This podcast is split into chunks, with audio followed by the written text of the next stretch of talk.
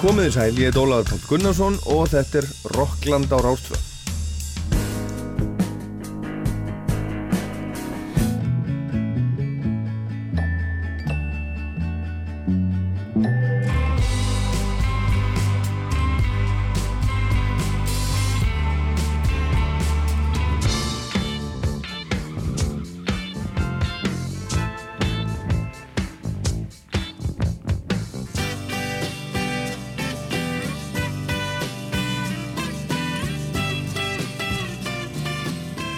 Eyjólfur Kristjánsson er gestur Rocklands í dag. Eyvi úr Haldi Kvoru og Bílavinnafélaginu Eyvi sem að samti lægið um hann að Nínu og fór með það í Eurovision á sínu tíma með Steppa Hilmas vinnu sínum. Eyvi á fullt af lögum sem að við þekkjum öll. Hann er búin að vera starfandi tónlistamöður í áratugi og Eyvi er með stóra tónleika afmælist tónleika í Háskóla Bíói um næstu helgi næsta lögadag og við Eyvi ætlum að spjalla saman í dag og spila lögin oss.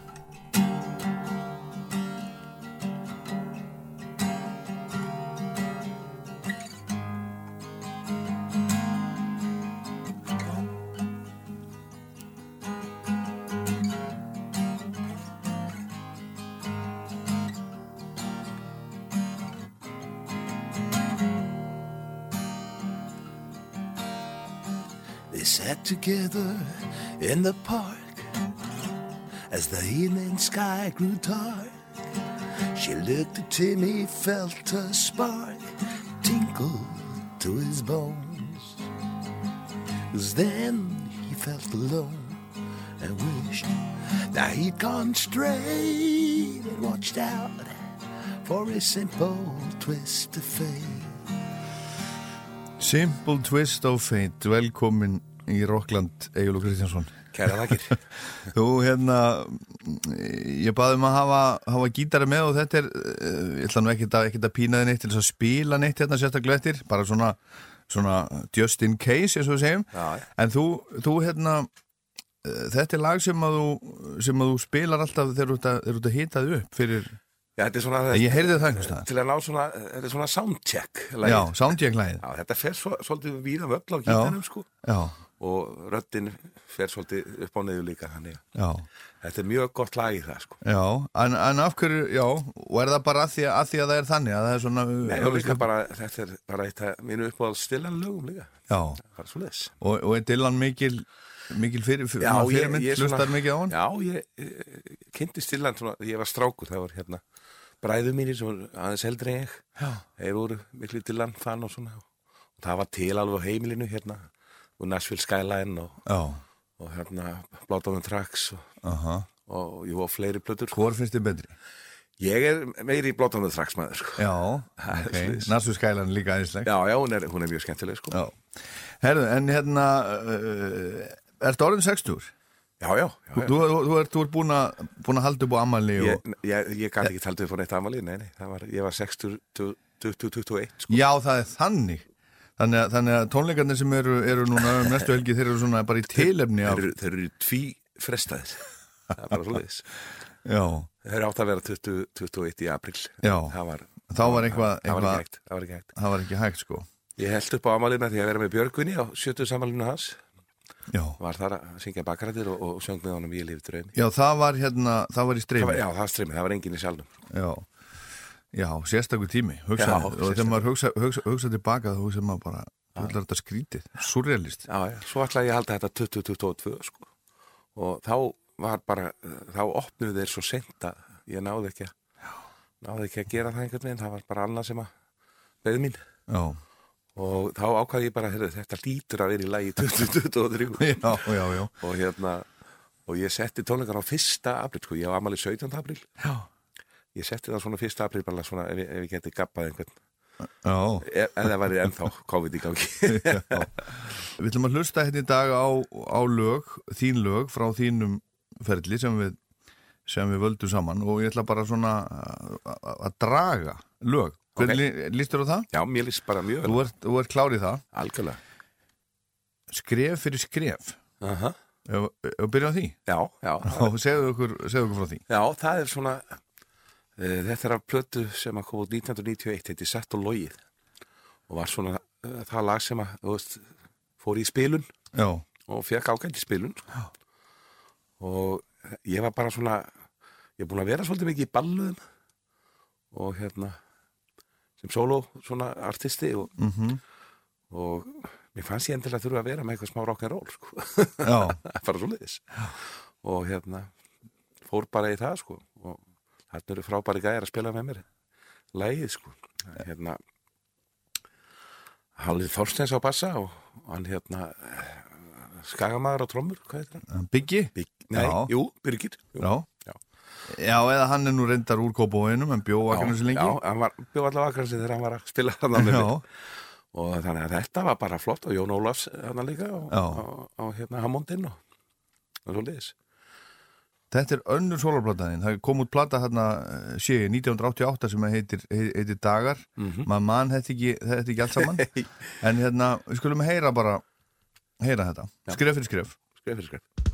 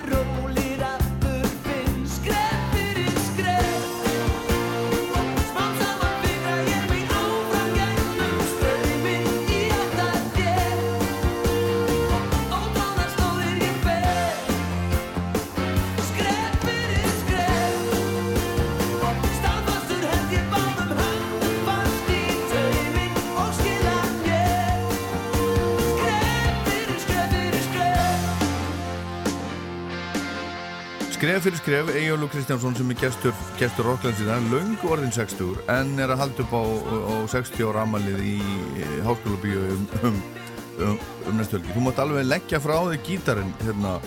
Egilur, þér líður vel með það? Ok, allt í, allt í finn. En hérna, hérna segð okkur aðeins frá, frá litla Egilur, Já, hvaðan kemur Eyvi? Eyvi er fættur í vógunum og bókstæla fættur í vógunum hann fættist heima hjá sér Já, Já, pappa og mömmu, bara í Já, Sættarbygginu já. í, í Siglúi Og var það planað eða, Nei, eða nei, var, þetta var óvænt uh, uppákoma. og svona snöggur? Óvænt uppákoma, já. Já. Og hérna, þannig að hérna, og fættist á 13 ára amalistegi sýstu minnur, Rafnildar, sem að var ekki mjög ánað með að fá litla bróður í því. Það var ekki mikið held í henni. dag. Nei, ekki mikið stöð þann daginn fyrir hana. Nei.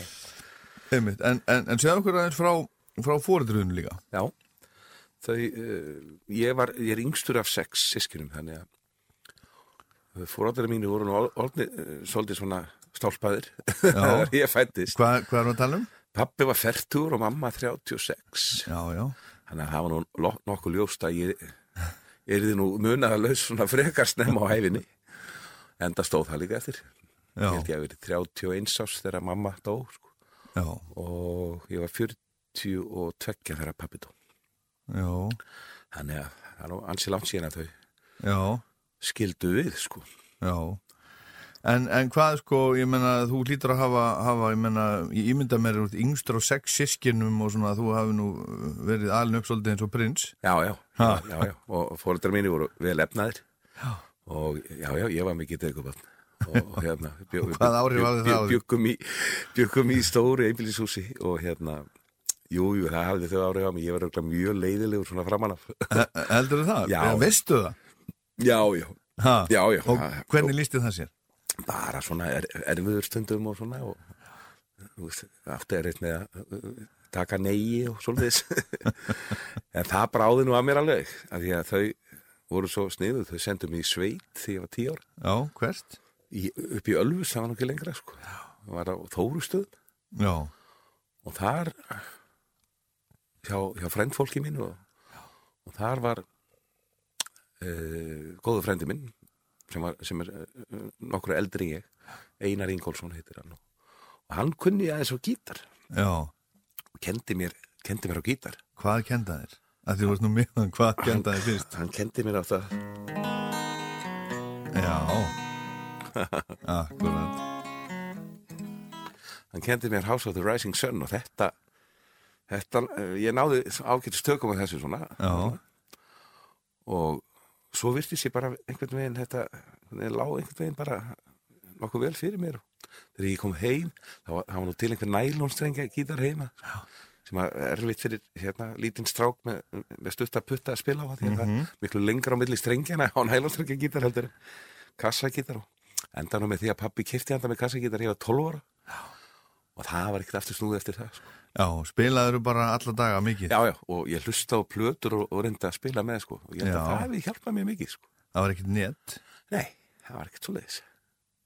Það var, var reyndar hérna gítarkensla í æskunni, Ingibjörg Þorbergs. Já, er það? Já, já, hún var með svona, uh, það var svona, uh, svona einblaðsja þar sem að uh, hún var með svona gítargrip og Já, já. var svona einföld lög og ég lærði ansi mikið af því. Vá, þetta, þetta hef ég ekki heyrst um hana. En hugsa, hugsa hvað hún var merkileg kona. Algjörlega. Hún er sko fyrsta tónlistakonan á Íslandi sem að gefur út eigin lög. Já, já, Hún gefur út fyrsta jólalagið, já, já. hinn fyrstu jól.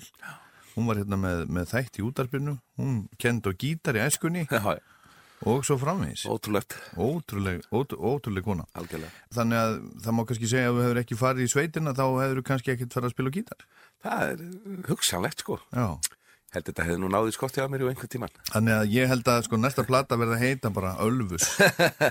það er aldrei að vita. Ha. Það er aldrei að vita. og, og kannski að þú verður bæjarlista ma maður í Ölfusi. Já, Eitt góð með þetta. Já, það, er spurning. En, en, hvað, en varstu með eitthvað plan þegar þú var strákur? Ætlaður að, að verða eitthvað þegar þú verður stór? Nei, Ekkert plan?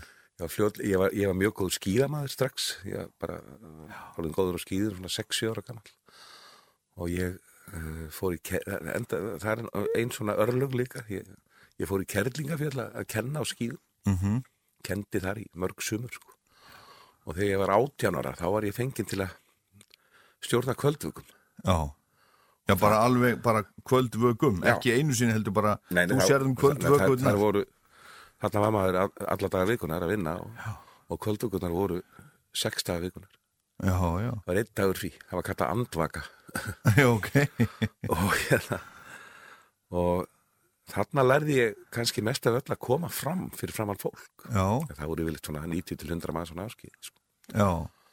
það var mjög, mjög skemmtilegt og Og, og hvernig voru svona kvöldvökur byggðar upp?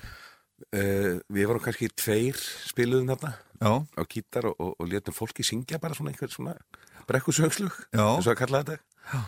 Og uh, síðan uh, voru hópar af nefndum sem að voru búin að kannski kokka upp eitthvað Já. eitthvað, eitthvað svona skemmti atriði á kvölduginu aha, og það var þetta var bara mjög skemmtilega upp á tækja sæmir í, í þessu sko. og, og byrju hópur sem er þarna, voru þetta, var þetta sem- fólk sem kom að læra skíðum. Fólk á öllum aldri? já, Já. Já þetta, Ekki bara krakkar? Nei, það voru tvö unglinganámskeið yfirleitt eh, fyr- fyrst og síðast. Já. en mest voru þetta svona almenn námskeið og fjölskyld, Já, bara fjölskyldunámskeið Alls konar fólk, hundra manns. Já, Og hvað var þetta, klukkutími eða eitthvað já, svona já, það var svona þess kvöldvakan og svo var alltaf balla á eftir sko. Nú, Já, já. byttunum við. Sagt blöðusnúður? Nei, nei, það var, það var bara að spila sko. Já, Siggi Guðmunds á Leirá sko hann hérna var með harmonikuna og já, það var nú í skagakvartettinu já, já, já. Sigurður Guðmundsson. Og, og hann tók har harmonikuna og ég, ég tók gítarinn og fleiri á undan mér líka sko. Já, svo, svo var bara kokkurinn sko, tekinn sko. Já, já. Það var ekki það.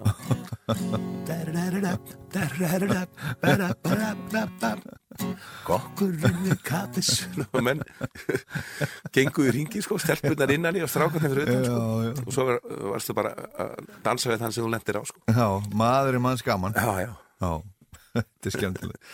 Svona er þetta Life is what happens while you're busy making other plans Mr. Lennon Nefnum þú varst ekki með neitt plan Ég var ekki með neitt plan þarna sko Nei. en, en ég svona fann á mér að ég myndi einhvern veginn enda í tónlist sko. En, en svona fóreldraðinni sem að degruðu við þig Já, já, Voru þau ekkert að reyna eitthvað? jú. Já, já, jólum, nú Jú, jú, að ég, ég fór í MR maður aftur öruglega að læknir eða lögfræðingur Já, En Ég, glemdur að mæta nei, já, svona, já ég, þá, var, þá var tónlistin algjörlega búin að ná mér sko. Þannig að ég hætti nú bara í MR Ég var, ég var ákveðs námsmaður sko. Já. Fekk ákveðs einhvernir og allt það. Já, En ég bara nefndi þess ekki Og hérna Og, og sér ekki þetta í því? Nei, nei, alls ekki. Nei. Og, hérna, og ég hefði örgulega aldrei samið þessi lög hefði ég haldið áfram að fara í háskóla eitthvað svolítið en uh, fóreldrarnir voru svo sem ekkert ánæði með þetta en svona þegar leið á þá þá sáðu hún kannski ég hefði nú kannski tekið hérna rétt ákvörðin Já, að því að sko, já Þau hafa kannski átt að séu náttúrulega full, fullar fólk átt að séu því að það væri kannski mikilvægur að vera gladur með það sem maður er að gera Já. heldur en að, heldur en að gera eitthvað sem maður kannski skapar Já, fleiri, eða meiri tekjur eða eitthvað svo leiðis og mam mamma náði alveg að upplifa veist, hérna, mína velgengni í tónlistinni Já. þannig að það var, það var mjög gaman. Herðu, en hérna En fyrsta svona uppáhalds hljómsveitin, við erum búin að um, tala um Dylan og svo varstu að spila bara svona kokkin og svona. þegar, ég var, er... ég var í sveitinni Já, að læra að spila gítar þá var, þá var mikið krítins klirrótir spila já, er það, plötur. er það uppáhald? Það, ég held mikið upp á þá þarna, sko. Svo tók ímislegt við, sko. Eagles, Uh -huh. fljótlega. Já. Uh, og, og ég endaði sem mikil Dan Fókelberg maður. Já, Ég, mér finnst að hann er ennþá bara eitt að, já, bara held ég bara á topp þrjú, sko. hvað er nú hans þekktasta lag, svo ég spurði nú bara. Það, hann átti nú mörg hitt maður. Já, Uh, longer. þetta með, með tóndæmi? Longer than there have been fishes in the ocean, Já, truer than any bird ever flew. þetta, þetta, er, þetta er, það var svona eitt af fyrstu svona hittónum. já, Svo átt hann alveg mega hitt sem að hétt hérna, hvað hétt það aftur? Hérna, Hard to Say. já, Og það var einmitt hérna Glenn Fry úr Eagle sem að söng með honum. já, já, já, já, já. Já, þú ert svona í þessu svona... Já, ég, ég svona Kassagítar já, já, og melódíur. Já, já, einmitt. Já. Ég var svolítið mikið í svona kassagítarmennum, sko. Jesse Colin Young, ég veit ekki hvað þú maður setur honum. Og hérna Jackson Brown. Aha, Jackson Brown er já, fíla hann alveg tætlur. hann er einn af mínum uppáhalds alveg. Akkurat. These days. Já, já. Herðu. En en- þetta, já, já, þetta var svona ímislegt. og eru þetta eitthvað svona, ég meina, þetta er uppáhald, eru þetta líka einhver leiti svona Áhrifavaldar. fyrir fyrirmyndir? Já, og mi- miklir áhrifavaldar. Já. Algjörlega. Svona vil ég vera þegar ég er hún stór. já, já. Og, og, og, þú veist, og ég er náttúrulega búin að, stela ímsu frá þessum gæðum, sko. En, en, gera það bara á réttan átt sko. Það er bara svo leis Herðu, við erum að, erum að draga lag. Já. Hérna, uh, Kitty Greifi. já, Er það ekki bara pappið? það er pappi Já. hann var, var kallað Kitty Greifi e, það var reyndar ekki út af því hvað hann var efnaður Já. og hvað hann var nú mikil höfðingi Já. hann var kallað Kitty Greifi þegar hann átti ekki bót fyrir rassin á sér en hann var að vinna hjá Friðrik Bertelsen te teppasala Já.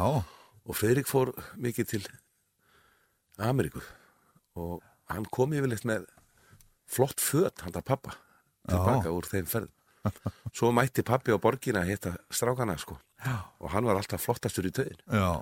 Eins og Greifi. eins og greifi og það, þar kom hérna, þetta viðunefni Kitty Greifi Já. og setna var hann mjög uh, vinsæll, uh, hann var uh, heilsali, uh, stórkaupmaður fluttinn hérna Lí og Rangler, Já, já. efnaðist mikið af því. Og Rolf Jóhansen sem, sem gaf honum það umboð. Rolf nefndi ekki að vera í einhverju svona gallabusna dæmi og ringdi pappa og spurði getið vilt ekki flytið gallabusur ég er hérna með umboð, ég nenni ekki að sinna því. Jú, jú, sagði pappi og hérna og pappi var upp á Grettskötu með helsöluna Káir Þorvarsson og kó og hann fór mikið nýður sem sagt bankastrætið og, og, og hérna nýri á póstús og svona ná í póstin sinni og svo leiðis og á leiðinni hitt hann marga og, og hann var alltaf stoppað og heilsað og stutt í hérna í gleðina. Og hérna það var nú mikið af svona ógæðumönnum í bænum þessum tíma sko. Svona rónum. Mhm. og einn af þeim var nú maður sem að stopnaði fyrirtæki við pappa e, og pappi var alltaf mjög góð við hann þó hann væri komin á þennan stað og endanum með því að þessi maður náði, náði sér á strik og, fór að vinna fyrir þessa á Já, já. That's life. That's life Þú settir aldrei út á það sem ég gerði Þú settir aldrei stólinn mér fyrir dyr Og þegar útþráinn veit þú aldrei mér sagðir Að vera kýr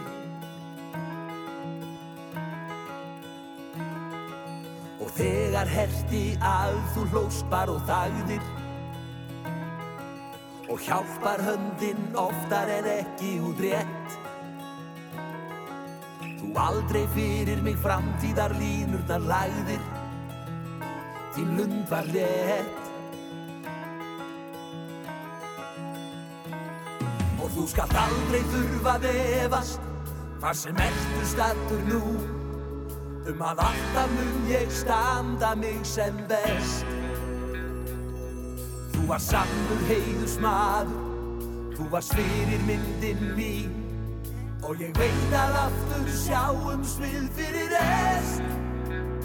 Og þegar nóttin læðist inn og þáir er á ferli Þá svífur andur bankastrætið og alveg niður á torg. Það er greiðir enn á gangi og það vottar fyrir brosi Þetta er hans borg. Ef ég fengi aðeins nokkur augna blíkinn hlið hans og fengi upplifa þar stundir sem hann átti Því það var sama hvar hann láði það var alltaf fætt með brosi allstaðar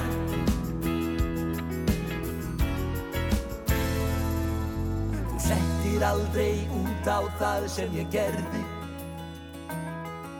Og ég vild að lokum þakka þér fyrir það. Að halda þétt í höndina er þú kvattir Þennan stað þú skalt aldrei þurfa að efast Hvar sem ertu stattur nú. Um að alltaf mun ég standa mig sem best. Þú var sannur heiðusmaður, þú var svirir myndin mín. Og ég veit að aftur sjáumst við fyrir rest. Og þegar nóttin læðist inn og fáir er á ferli Þá svífur andur bankastrætið og alveg niður á torg Það er greifir enn á gangi og það vottar fyrir brosi, þetta er hans borg. Ef ég fengi aðeins nokkur augna við hlið hans og fengi upplifa það stundir sem hann átti þar. Það var sama hvar hann láði, það var alltaf flatt með brosi, allstaðar. Þú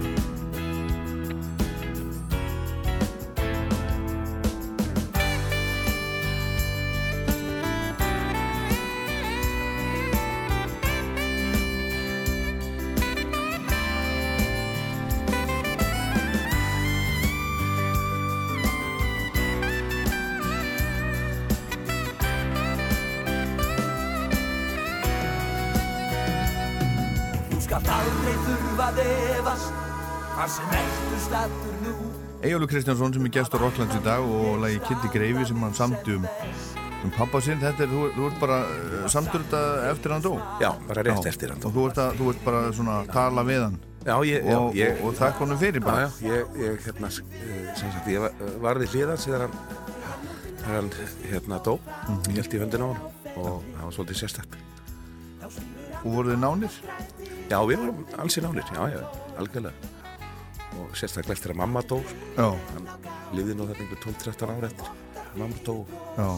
Og, já, já, við, ég, já, við vorum mjög nánir. Og, Og hann, hann því í öllu þessu já, já, hann þessu svona, já, hann var, ekki, hann var ekkert að, hann var ekkert að setja neitt mikið út á það sem að ég tók mér fyrir hendur nei, stöttum í frekar. það er náttúrulega það sem að fóröldri að gera, ekki það, það held ég. Herðu, hérna, fyrsta, uh, fyrsta hljómsveitin, þú, þú ert þarna í sveitinni, læra að spila gítar Já, já. og, og ert, ert heima og fær, fær gítar þegar þú ert 12 ára. Já, ég, er, vo, ég, er vo- ég er í vogaskóla þarna sko. ég, og uh, síðast árið mitt í vogaskóla hérna, þá uh, stopnuðu við nokkri strákar hljómsitt Já, til að spila á, á svona einhverju kvöldi. Aha, þessi hljómsitt spilaði bara einu sinni en þetta var alveg svakalega gaman og þessi hljómsitt hétt Púko og Gummi Púgó og Gummi. Já. Ok, og uh, Púko voru við strákarnir sko. Já, og Gummi hann var hérna einn af gítarleikurunum. Og ég var hinn gítarleikarinn. Ég gætt tekið smá sólu og svona. Já, já. og Þormóður Jónsson uh, auglýsinga Já, já, maður úr. Fítón Já, hann var sem sagt söngvari. Já, og ég, tók, ég held ég hafi tekið eitt lag líka eða, tvö, ég tók tvö lög líklega hvaða lag? ég tók lag eftir sjálfan mig sem að heitir Hang on Baby Nú, já, já, Er- sem er fyrsta lagi sem að þú, já, það var að segja það ef að heyra aðeins, já þetta er svona rock að blues. já, You gotta hang on, baby. you can't leave me alone. Oh, gotta hang on, baby. You can't leave me alone, yeah. Gotta wait, baby, baby. Wait until I bring you home. það var bara eitthvað rugg sko. Þetta er gott, En þetta var, þetta var hansi vinsælt sko bara ACDC. ACDC sko og hérna þetta var alveg rosalega skemmtilegt kvöld ég var þetta því sko Já. við vorum hérna 15 ára strákanir sko. Og þarna hefur verið klappað fyrir ykkur og, Já, já, og já. við fengið svona fyrsta, fyrsta, fyrsta bussið. stelpunar alveg svona Já. slefandi Já. Þetta ríkal- alltaf að gera. já, já, þetta var Svona byrjar þetta. svona byrjaði þetta. En, en eru einhverjir, er einhverjir, sko, er einhverjir vinir frá þessum tíma úr músikinni sem að hafa, hafa, hafa fylgtir eða, Í- eða fórstu einn þessa, þessa braut? nei, það voru þarna fleiri úr voðskóla sko. Eiríkur Haugsson, Já, við erum mjög góði vinnir já, við vorum bara svona kunningar þarna sko. Aha, Eh, hann var náttúrulega í vogaskóla og mikil þróttari eins og ég. Já. og eh, hverjir Bubbi Mortens var náttúrulega í vogaskóla en, já, en, en hann er nokkuð eldri ég sko en uh, ég man nú ekki eftir svona fleirum í í, í bylinn, það, var- það, var- það mikið að réttöndum og, og, Já, og svoleiðið sem voru í Kraft og vogaskóli þegar ég er í vogaskóli, já, þá er hann stærsti grunnskóli á Íslandi með hvað, 2300 nefndur Vá. þá voru 33 í bekk. já. Þetta var alveg Og einn kennari kennari og lokað. Engir stuðningsfulltrúar eða sálfræðingar áfalla hjálp eða neitt Einn kennari, lokuhurð. 33 nefndur. Þetta var bara svo liðis, en þetta var ákala skemmtilegt. Mjög skemmtilegur hérna, skóli og, Já. og bara frábæri kennar. En hvað svo? Hvað ge gerist næst, næst í músikinni hjá, hjá Í Eyva? músikinni, já, ég fer þarna svo eftir grunnskólan, þá fer ég í, í MR. Og uh, Og það fór eins og það fór. já, það fór eins og það fór, en ég, ég kynntist þar góðum vinni mínum, Ingla Gunnar Jóhansinni. Já. Og við eh, vorum svona, hi- hittust bara heima hjá okkur öðrum og vorum að spila eh, lög með hérna Brett Aha, og Amerika Aha. svoleiðis, og, og gaman að því og, og 78 býtur, þá er ég 17 ára hann er, hann er þreymur árum eldri, hann er að vera tvítur hana. þá semjum við lag já, bara og tökum upp á svona kassettstæki aha, og Ingi síðan geymdi þetta lag bara í tíu ár. Og þá sendum við þetta lag inn í Eurovision sem sagt undarkendinni hérna heima. Og hvað lag er þetta? þetta heitir Ástaræfintýri á vetrabröð Já, heyrðu, og, og, og lendi þar í öðru sæti og eftir hérna Sókrates með, með Steppa Hilmans og, og, og Sverri. Fellega fínt lag. já, já, mjög, sendi, ég sendi þetta, ég var 17 ára gammal og yngi sko já, þetta er eh, ég held mikið upp á þetta lag og, og hérna ég vil ef ég er með svona stóra tólninga þá kemur nú yngi yfir litt og syngur þetta með mér Já. Og, og er hann með þér á, já, já, hann er í hópnum og já, já, svo vippar hann sér fram á sviðið og auðvitað. tekur þetta lag Sem heyra þetta lag.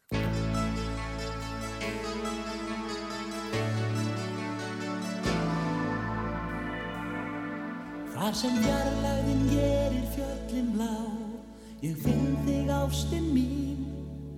Bak við lokaðar dyr með lás og slá Og læðist inn til þín.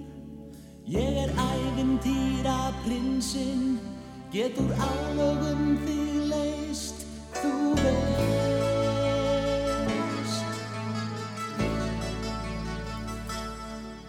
Þegar ambarinn hvíslar í eira þér og undarlega hlæg Skaltu vita að ég hef valið mér að vera aftan blæ? Og ég læt í veðri vaka að ég virð og elski þig aðeins þig.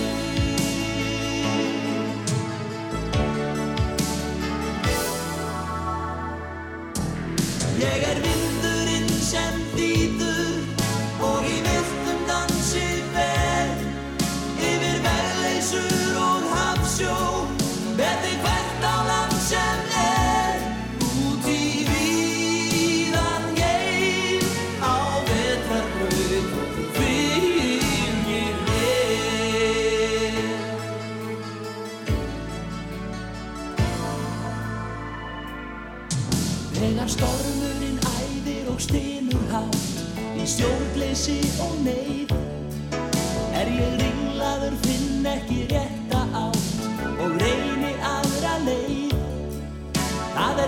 sem fær mig stöðvað.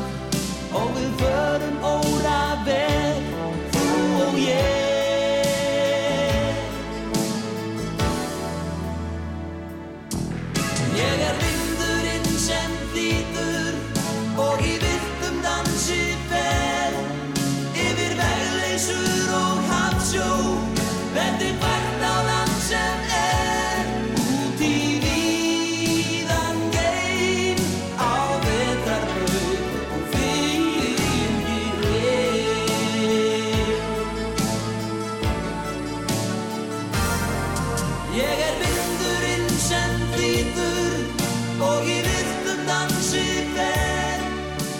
Þetta er nú fellega uh, fínt lag Eyvi, en rosalega er þetta mikið 80s. já, já, þetta, já, þetta er mi- mikið eitthvað Það er alveg bara, það er allir, það eru, hvað er þetta, Linn?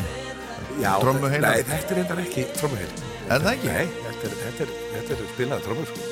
Þetta er svo- að tromma? Þetta er það er Gulli Brím Já, ok. Þetta er Eithor Gunnarsson Production Mhm. En þetta eru svo kallar D-drums D-drums, Já. sem að er hvað? sem að var bara eitthvað sem að Gulli var með þarna Já, já. sko. Það, ég, við, ég man ekki eftir að það hafi verið prógramar eða í- á þessari plötu En þetta er alveg bara Eh. 80s soundi. Já, já, jú, jú, líklega var nú eitthvað prógramar, gott, gott eða eitthvað svoleiðis Já, En Gulli sp spilaði yfirleitt flest lögin bara já. akkurat þetta, er- já, þetta er rosa mikið 80s hann David Foster og svo leiði sko Ég var að, ég er búin að vera að hlusta aðeins á, á hérna, YouTube-plötuna sem er núna, situr akkurat í fyrsta sæti á vinsallalistanum í Brellandi og bara með selda platan í heiminum í dag. Já. Er búin að hlusta á það? Nei, Hérna 40 lög, gömul lög sem eru er, er búin að taka einmitt já, breytingum allt, alla pródusjónuna af. Það er bara búið að skræla lögin, það er bara eftir, lag og texti. Já, já Ég mæli með því Já. og það er margt þetta, ótrúlega gott og, og, og, sko, það er náttúrulega það sem er að gera. Þeir eru að, þeir eru að sína sko að lægið lifir þeir eru búið að taka allt, allt af því. Já, og, ein, og eins og með þetta lag, þetta Já. lag bara lifir. Já, þetta lag er til dæmis til í, í hérna, svona live útgáðu sem er svona tiltölulega ný. Já. og þar er það svolítið öðruvísi. Það er Aha. ekki svona 80s feelingur Nei, nei, ég veit þar, það, sko. lægið lifir. En, umbúðunar þær, þær kannski að missa sín stundum. Það eru bara barsins tíma Já, akkurat Herðu, svo, svo varstu í hérna svo varstu í hálft í kóru það Hvernig hérna- það var svona- gerðist það? var og já, og- við, við yngið fórum þetta saman á, á svona vísnakvöld. Held að hafa verið á Hotel Borg þegar við byrjuðum að fara sko, svo var það setna í þjóðlugskjallaranum og þetta fannst okkur rosalega skemmtilegt og kynntust þetta skemmtilegu fólki til dæmis aðalsteini Ásberg Sigursinni sem var samtið mitt ljóðið við hérna, ástræðindir og hérna Aha, Gísli Helgason og Bergþóra náttúrulega Guðmundur Átnason vinnu minn sem er á Akureyri núna sem sendur nú frá sér blötuna mannspil á sínum tíma. Exit Blóm fyrir vestan mikið spilað og, uh, og við einhvern veginn bara náðum góðum kontakt við þetta fólk og Ör, Örvar Aðalstinsson var með okkur hérna bassalegari. Og við stopnum sagt, uh, þessa hljómsveit hálft í kór. Og uh, það var líklega 1982 sendum frá okkur tvær plötur já, uh, Almanarómur sem að koma út 82 og þar er maður svona að semja eh, einhver lögst uh, og uh, svo hætti Berðþóra og við strákarnir fimm við sendum frá okkur plötu 83 sem að heitir Áfram. Og uh, þar var ég nú svona ná betri tökum á á því að semja lög og svo leiðis. aha. Ef að heyra örlítið í Bergþóru Í Berðþóru, já, Já, ekki spurning. mér langar að spila smá brot hérna af læginunar verkamaður Já.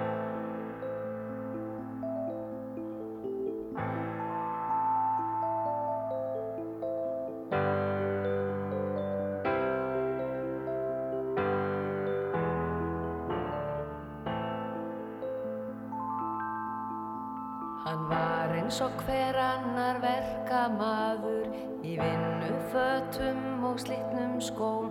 Hann var aldrei hryggur og aldrei gladur og átt ekki nokkur helgidóm. Hann vann á eirinni alla daga þegar einhverja vinnu var hægt að fá. En konan satt heima að stoppa og staga og stugga krökkunum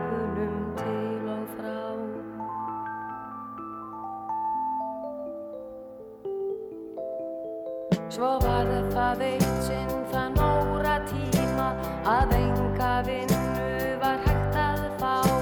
Hver dagur var harðsótt og hatrömm glíma við hungur voðuna til og frá.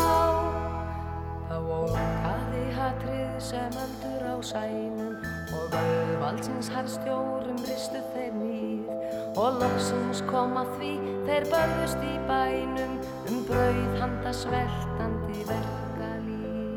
Þetta er Bergþóra Átnadóttir uh, sem að þú varst með í hálft í kóru, mer merkileg kona. Hún er til dæmis, það vita það ekki allir en, en sko það var hún sem að dró bubba til dæmis í fyrsta skipti á Littlarhraun Já. hún kallaði það til, til viðtali við hennar hérna það sem hún er að segja frá þessu. Já, hún segi, já þegar ég fór, fyrst, þegar, já, þegar ég fór, á, á Littlarhraun þá dró ég hann bubba litla Mortens með mér. Bubbi Lilli Mortins hefði komið ofta á hérna á Vísnakvöld, já, borginni, með gítarennum og, aha, og og hérna- spilað. Og spilaði, sko. og þú, þú sást hann oftar Já, já, og það enda nú með því að ég mixaði hann eitt kvöld. Já, þjóðlugskjallarinn og hérna, það var ég svona hljóðmaður líka. Já, og já, við erum ágætis kunningar við, Bubbi, sko. Haf, hafður þú trú á hennu þá? Já, algjörlega, Já. algjörlega. En, en Bergþóra, hérna, Bergþóra er náttúrulega, og var, hún er bara svona, svona góðsögn í þessum heimi. já, algjörlega. Hún hún var eiginlega bara okkar kvenkins bubbi. Já. Þó að, ég meina ekkit ond með því. Nei, nei, bara mikill karakter, Bara flottur frábær, lagahöndur, algjörlega. Hún samti náttúrulega ekki mikið að textum sjálf eins og bubbi gerði, en hún, þegar hún gerði það, þá voru þeir frábærir. Hún samti mjög mikið að lögum við, hérna, ljóð höfuskáldan okkar. Uh Stein, Steinn Steinar, Tómas Guðmundsson svo leiðis Mhm. og hérna ég fór uh, þegar hún uh, var hætt í uh, allt í kóru Okkur að hættu hún? ég, hún bara fór að sinna svona sólú Já. kannski var mikið að vera með fimm villisingum í, í ljómsveit sko.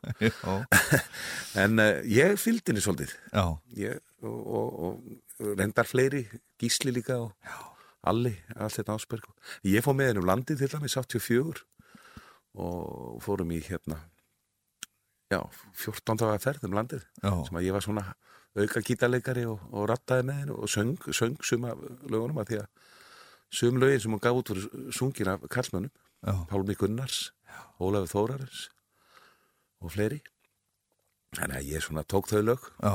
Og voruð þið vinir? Við vorum mikli vinnir, Já. algjörlega vinir. og kom ykkur vel saman? Áttu já, já, skap saman? mjög gott skap saman, sko, algjörlega það var bara svo leiðis bara mikla virðingu fyrir henni líka Já. Herðu, er svo... já, það kemur það í kjölfarið E, já, er það ekki? Jú, bara strax ég hætti í í kóru sem sagt uh, bara á nýjárstag held ég uh, 86 Og þá verður þú popstjarna. svona næstu því. Af því að annan janúar, daginn eftir Já. þá mæti ég, þá var sagt Jón Ólafsson búinn að ringi mig og byrjaði mig um að vera kassakítarleikari í, í hljómsitt sem að spilaði undir fyrir nefndamóti Vestlunarskólans og ég, mér fannst það spennandi og hérna, þetta, var svona eitthvað svona 60s dæmi. Uh -huh. Hollís og fleira sko. Og hérna ég mæti hérna á æfingu og hitti þar fyrir, ég kannast hans við Jón en hitti þar fyrir menn sem ég aldrei sjáður Já. og það voru Haraldur Þorstinsson, bassalegari úr Brimkló og Rafn Jónsson, trommuleikari heitinn úr, úr hérna, Ír og, og Grafík Já, já. Stefán Hjörlersson, gítarleikari úr Possibilis og, og hérna og svo Jón náttúrulega og í í þessum uh, uh, þegar við erum að æfa þetta nefndamót stæmi sko. Ég hafði verið að spila svolítið mér á gauk gauk á stöng, bara svona sjálfum í gítarinn. Uh -huh.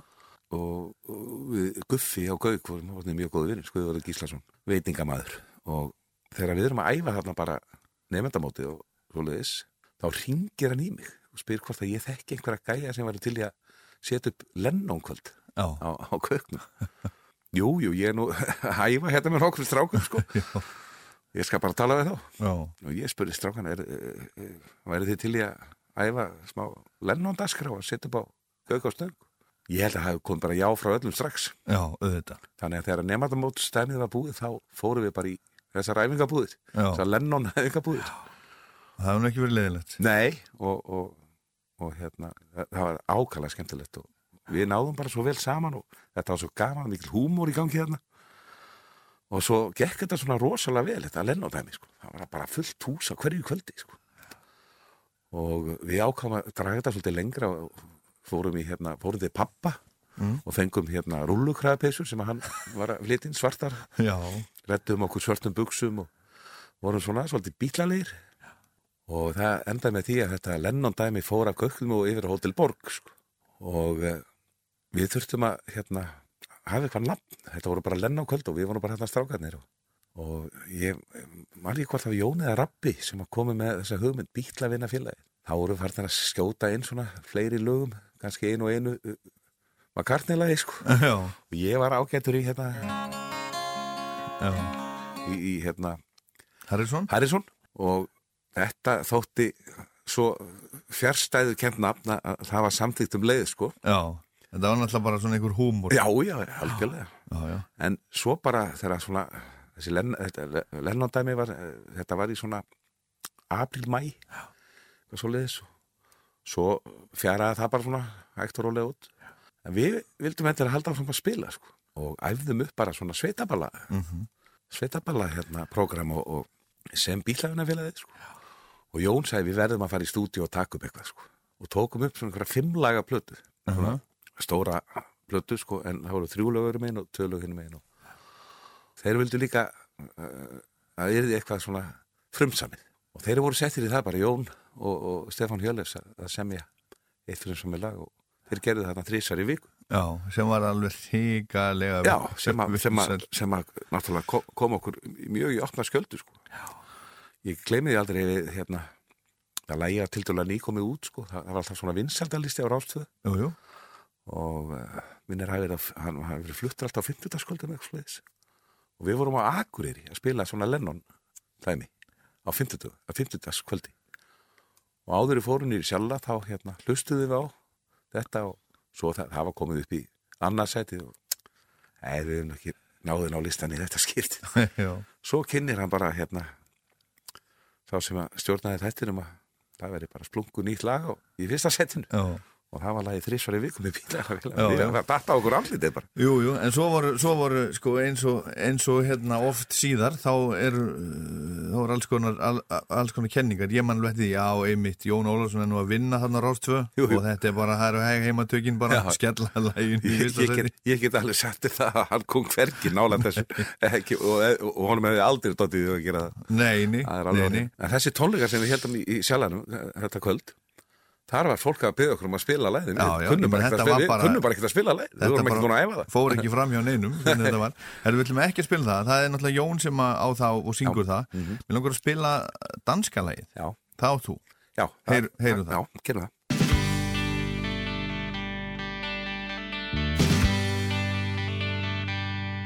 Manstu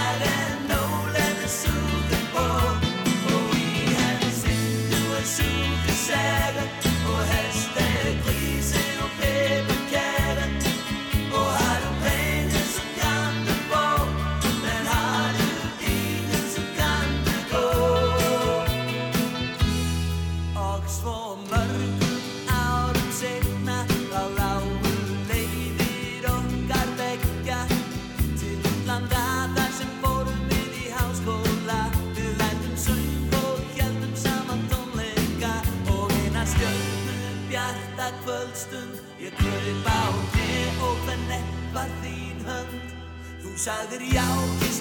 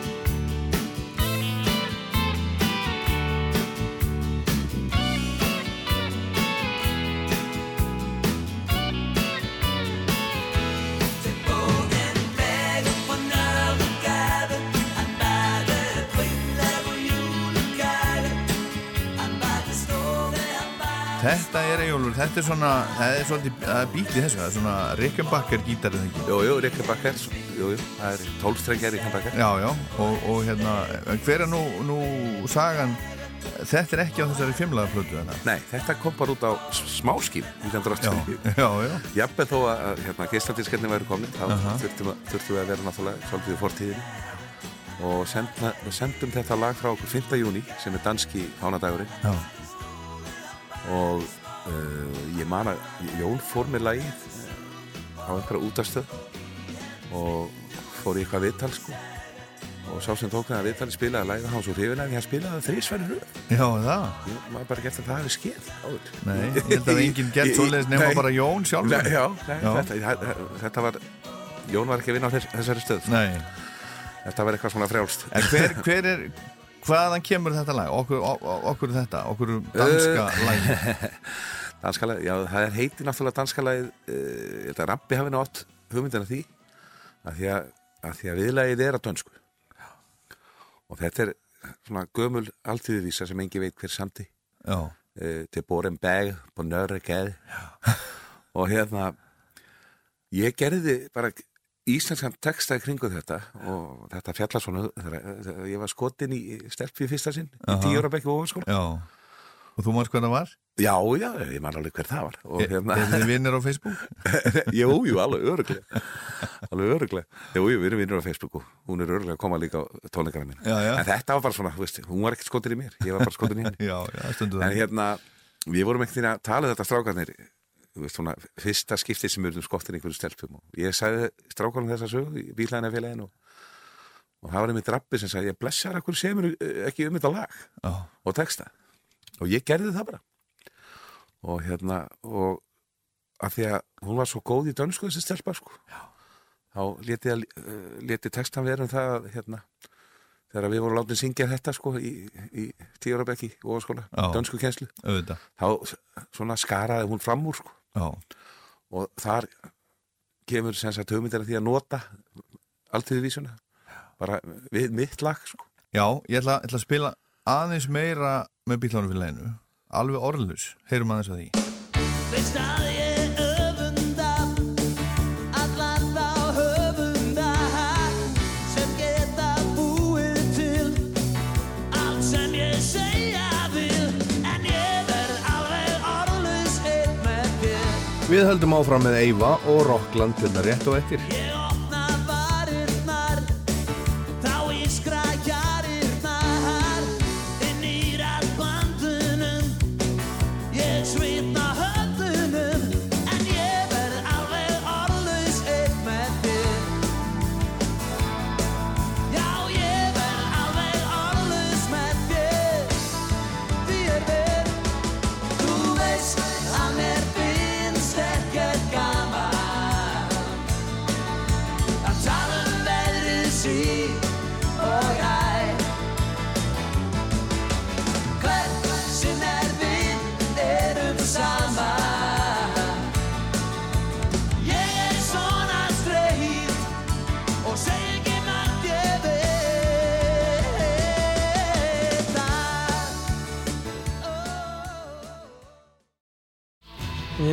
Sigurós og ég heiti Ján Þór Bergesson, spilur á gítar og syng.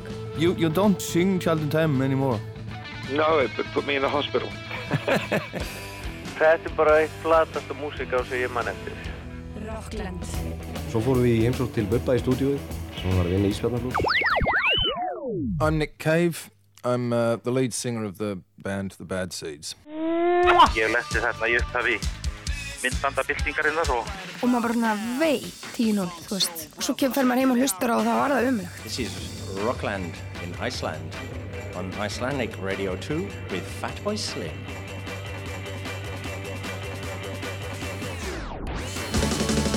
Svo ringdi ég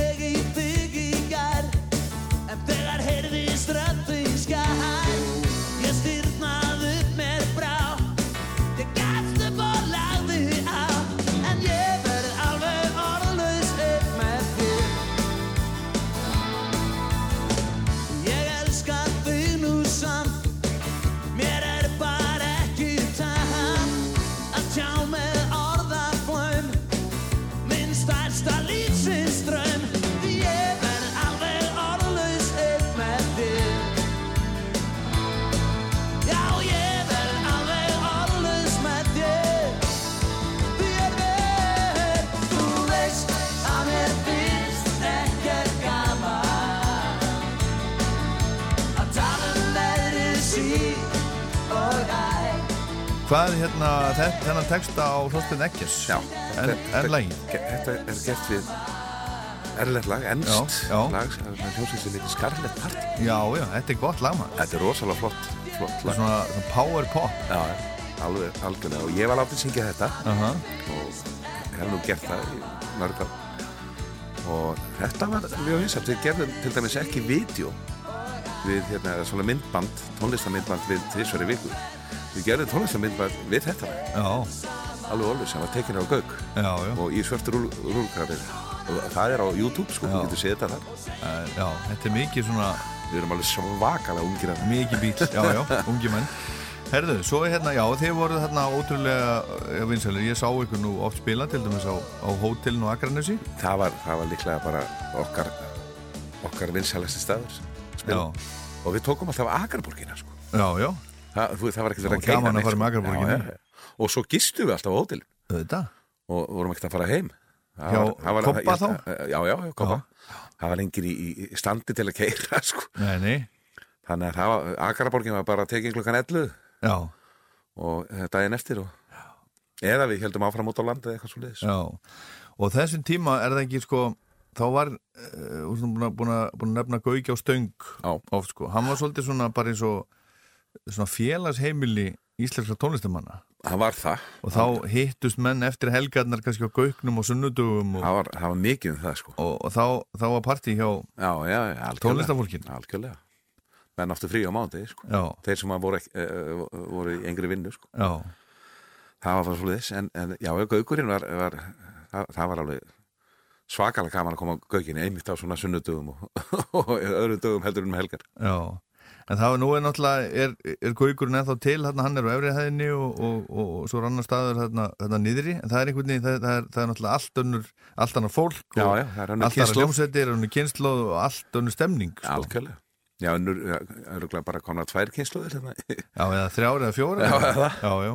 já, já, bílafnafélag við eigum þetta mjög skemmtileg fimm ár geysilega vinsælt og, og, og sendu frá okkur hérna Já, síðasta platan sem við sendum frá okkur var kona sem stilum okkar Já.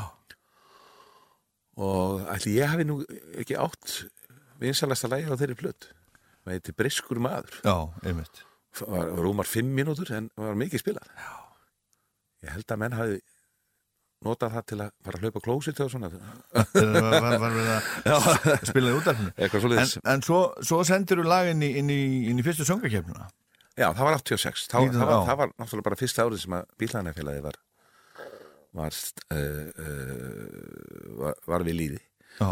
og já, það var hérna í ég, já, ég hafði samtið þetta lag fyrir í kvor á sínum tíma samtið þetta lag 1982 og ég tek það ekki upp fyrir einmitt 85 desember og sendi það inn í keppnina og uh, það var valið eitthvað tíu lögum til að keppna það að fara til Björgvinjar í Nóri og Já.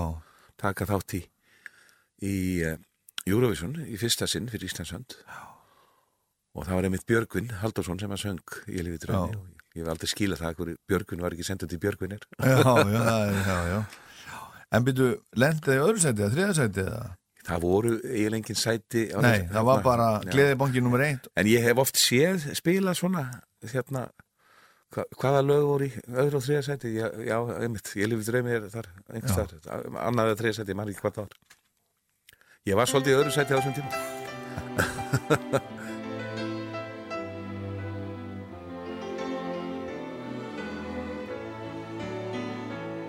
Ég lif í draumi, dreg merki mörkin dags og nætur. Sveiflast aðeins ósjálfrátt.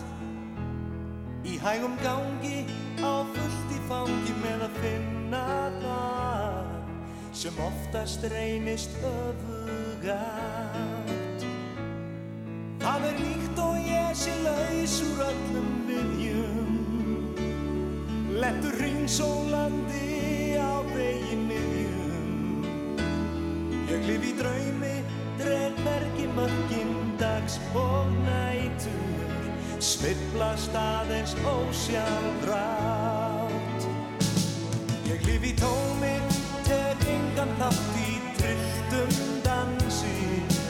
Fólksins allt í kringum mig. Einn á randi veit að minn vandi er að bera það sem enginn getur áttað sig. Það er líkt og ég sé lagst út í bili leitandi að bát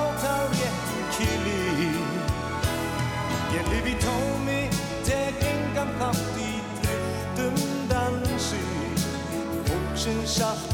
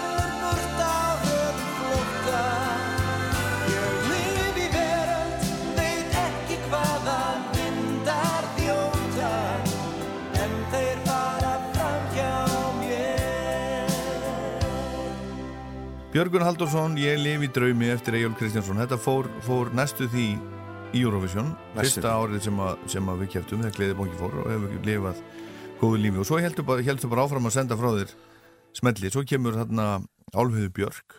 Já, það, það kemur setna sko Ástralæn æfintir og vetrarbraut er hérna 88 Já. Svo syngi 87, syngi Norðurljós eftir Gunnar Þórðarsson Já. Það lendi þriðasetti Já, í Já. og uh, ég er að syngja Ástaræfindir 88 89 þá tökum við þátt bíklaðinafélagið með lagið Alpatvist einmitt. Germund Valdísson.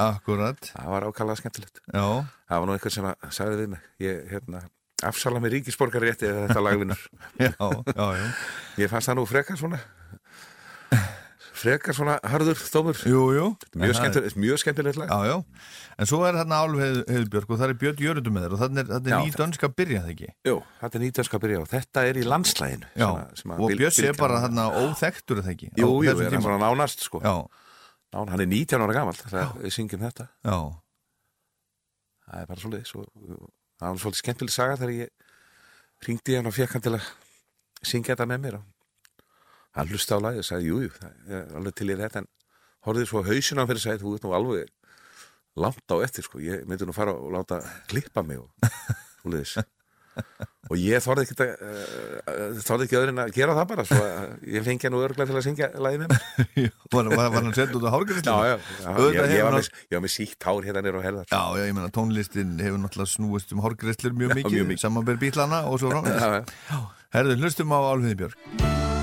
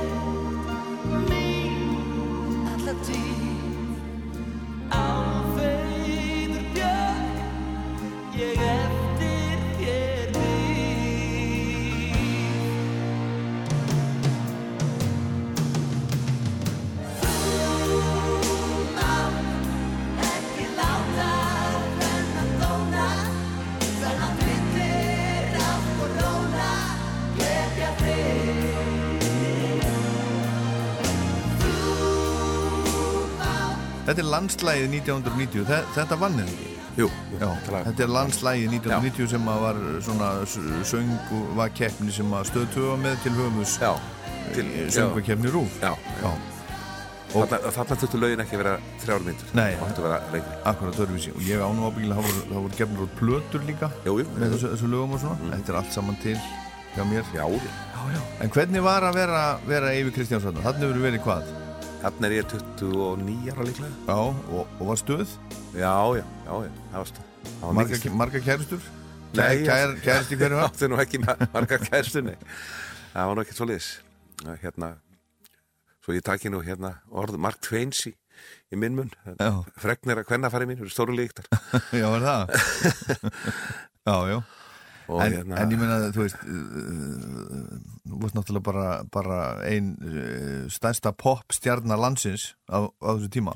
Þessum tíma, já, kannski, svona, jú með, svona, í, í, í samflotti með einhverjum Já, já, en hvernig eh, svona fór það með, með, með bara uh, bara, þú veist líf- með lífið egóið, egóið og lífið? Já, já, ég var ég var örglega svona svolítið leiðilegur svona til að byrja með. Heldur, heldur það? Já, ég, já, ég, veist, einhverja stælastundum og, og hérna Já, já, já. Uh, En uh, það bráði nú svona frekar fljótt að mér. Ég, hérna, mér fannst erfitt að vera þekktur til að byrja með. En uh, núna finnst mér það bara mjög skemmtilegt. Það er bara svo já. Og hérna, maður, þú veist, maður var ungur og, og pínlítið vittlus stundum. Já, já. Herðu, svo, svo hefur við unni mikið með, eh, með, með Steppa Hilmas og, og svo náttúrulega næsta sem að gerist í rauninni er, er hérna Eurovision Já, með honum það. Við skulum geima það þanga, þanga, þanga til vettir. En þið hafi gefið út plötu saman og spila mikið saman. Já. Hvernig, er, er Nína upphafið að því? Að, að Eh, ykkar samstarfi?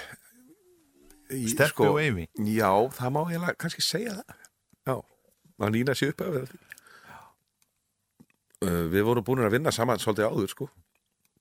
Fyrsta sem við gerðum var, var svona míní uppsetning af, af Jesus Christ Superstar sem var, uh, í, var uh, sett upp í klubnum já, Borgartún.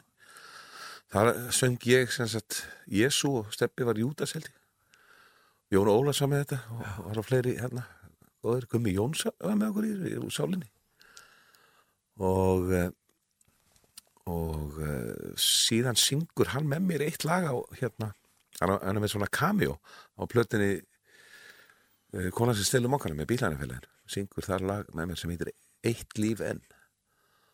Og uh, það er líklega að fyrsta sem við syngjum inn á hljómplötu saman. Nei. Í brekku, í bre- já í brekkunni. Já, Þjóðhátíðarnar. 1989 Já. við tókum það saman. Og uh, Bjartmar Guðlus og Jón Ólas sömdu þetta og Bjartmar á eina línu og Latti á eina línu þetta voru svona uh, menn sem voru að koma fram á þjóðatíð Já, já. og, og, og, Steppi líka því að Sálin og Bílænafélagi sáum böllin Mhm. og við Steppi svona uh, klárum lagið saman og þetta er líka það fyrsta sem að við syngjum mér á hljómblötu saman Skemmtilegt. Já. Svo, svo kom, svo kom, svo gáð út plötu 2006. Já, þegar við, við vorum búin að vinna saman í, í 15 ár Já. þá, þá ákvæðum við að gefa út plötu. Þetta er svona svo kaffibrúsa kallar Jú, jú. opnuð eina, eina hérna, vodka svo drukkur eina konjak og svo eina gina þá ákvæður að detti það. Já, hérna, já, þetta er svona svipa já, já, við, já, og það var svona samiðilega ákvörðum að, að þetta yrðu bara svona ábriður já. og hérna að því að við vorum löngu búin að sann okkur sem lagahöfundar og textahöfundar og svo liðis og þurftum ekkert að gera það og þetta var bara eitthvað sem við höfum gaman að Já. og þetta var það voðalega vinsælt Heyrum hérna, heyrum eitt lagafinni sem var mjög vinsælt hérna. Góða ferð. Þér leiðist hér, ég veit það kæra vina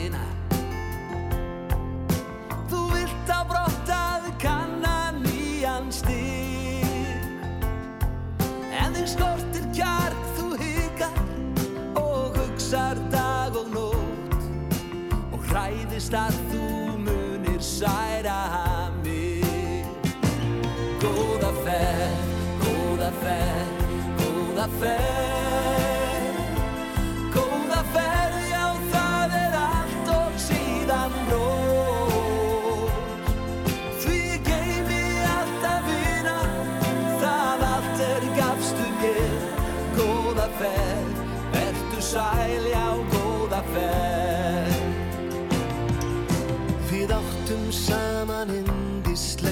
distance.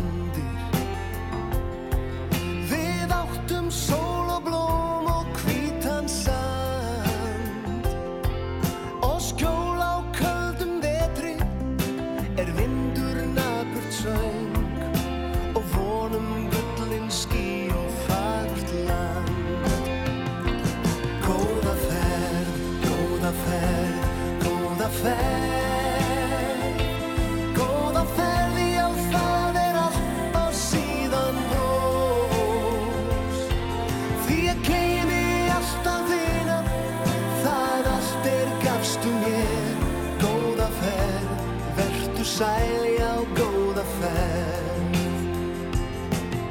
Þó farir þú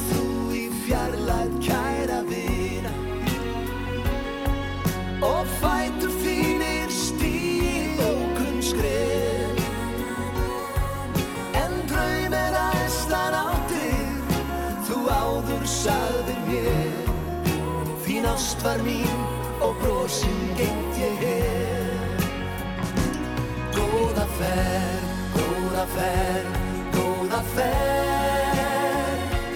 Góða ferð, já það er allt og síðan brós Því ég geymi alltaf vina Það allt er gafstu mér Góða ferð, vertu sæl, já góða ferð Þetta er Rockland og Egil Kristjánsson er gestur mér hérna í dag. Þetta er Góða ferð, Stepp og Eyvi 2006. Þetta er uh, þetta lag, þetta kom uppálega út, hvað, 60 og... Já, örgulega 69, 70 eitthvað svona þess. Já. Þetta eru Ítalir sem semja þetta. Já. Þetta var í San Remo held ég keppninni, sko. Já, en á Íslandi? Íslandi kemur þetta 74 á plötunni Hrif. Já. Þar er það uh, Bjeki og Ingibjörn. Ah. Sem. Já, Ísafirði sem að senda þetta er rosalega flott. Já, já, já. Hver spilar á bassan í þessu? Í, okkar útgáfi? Já, á plötunni. Uh, Friðrik Sturluson. Gekkjaðu bassi? Já, hann, við letum að spila bassan með nögl. Akkurat, þetta er svona, þetta er svona, svona, svona sjötembassi. Já, já, svolítið svolítið. Og Mjög hérna, við, við vorum svona að leita í ákveði tímabil, sko. Svolítið sefint, þetta er svolítið, milli, sko, þó þó þetta sé geislandi, sko. Þá, hérna, uh, þetta er svolítið 70s uh, tímabil sem að við erum að kofera þarna, sko. Já. Hvernig er það, það Jólur, í dag? Hlustar mikið á músík? Eða ertu bara að spila golf? Nei, nei, það er hægt að spila golf og hlusta músík í dag, sko. Já, já. með, með, með, svona litlum hátulurum og, og, og, og hérna, og Er það iPhone, og iPhone, já, já, það Er það? Er, Já. er, er, er, ekki, er ekki verið að ná sér í ró og kyrð á vellin? Ég er lungu hættur því maður, ég er bara farað það til að hitta strákana og hafa mig bjór. Það er bara svolítið. En hérna, jú, ég hlust, að mjög. Og er það, er það þetta sama, þú veist, er það, er það svona gamla upp á Já, já, ég, það, það kemur oft fyrir að ég setja með headphones svona áður ég fyrir að sofa og hlusta á Dan Fogelberg og, og Brett og svona og Amerika. Já, eitthvað nýra svona sem þú ert að, sem þú ert að hlusta á? Já, svona íslensk nýtt, við skaman að hlusta á það. Já. Ég, hérna, eh, ef ég tek eftir, eftir einhverju góðu íslensku, þá, þá hlusta ég á það og, og hérna, ge, gef mína einhvern, Já. bara fyrir sjálf mig. Akkurat. Erðu, fá lag, skrítið. Já. Hvað Þetta, segir okkur um það? Þetta lag er á plötunni MM sem að koma út 1. janúar 2000. 1. janúar 2000? Já. Þessna heitir platan MM. Ég, Er það 2000 rómvest eða? Já, já, það er 2000 rómvest. MM. Já. Millennium. Já. Hérna, uh, já, þetta er, þetta er fyrsti geisladiskurinn sem kemur út á, á þessu herrans ári. Já. En uh, allir, ég man ekki hvað, það verið Brain Police sem að senda eitthvað frá sér á netinu. Ég man eftir því. Já, en það, það, það var ekki neitt sem þú gæst haldið á, sko. Já. Ég var klár með diskinn og svo liði, sko.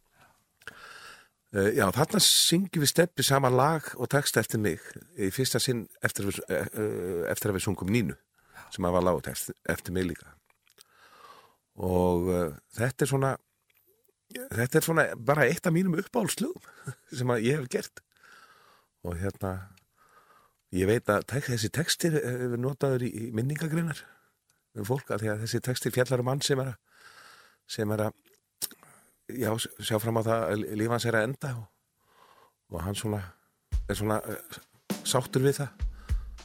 Og hérna þetta er svolítið já, ég, ég er mjög ánægð með hennar texta og, og, og lagi líka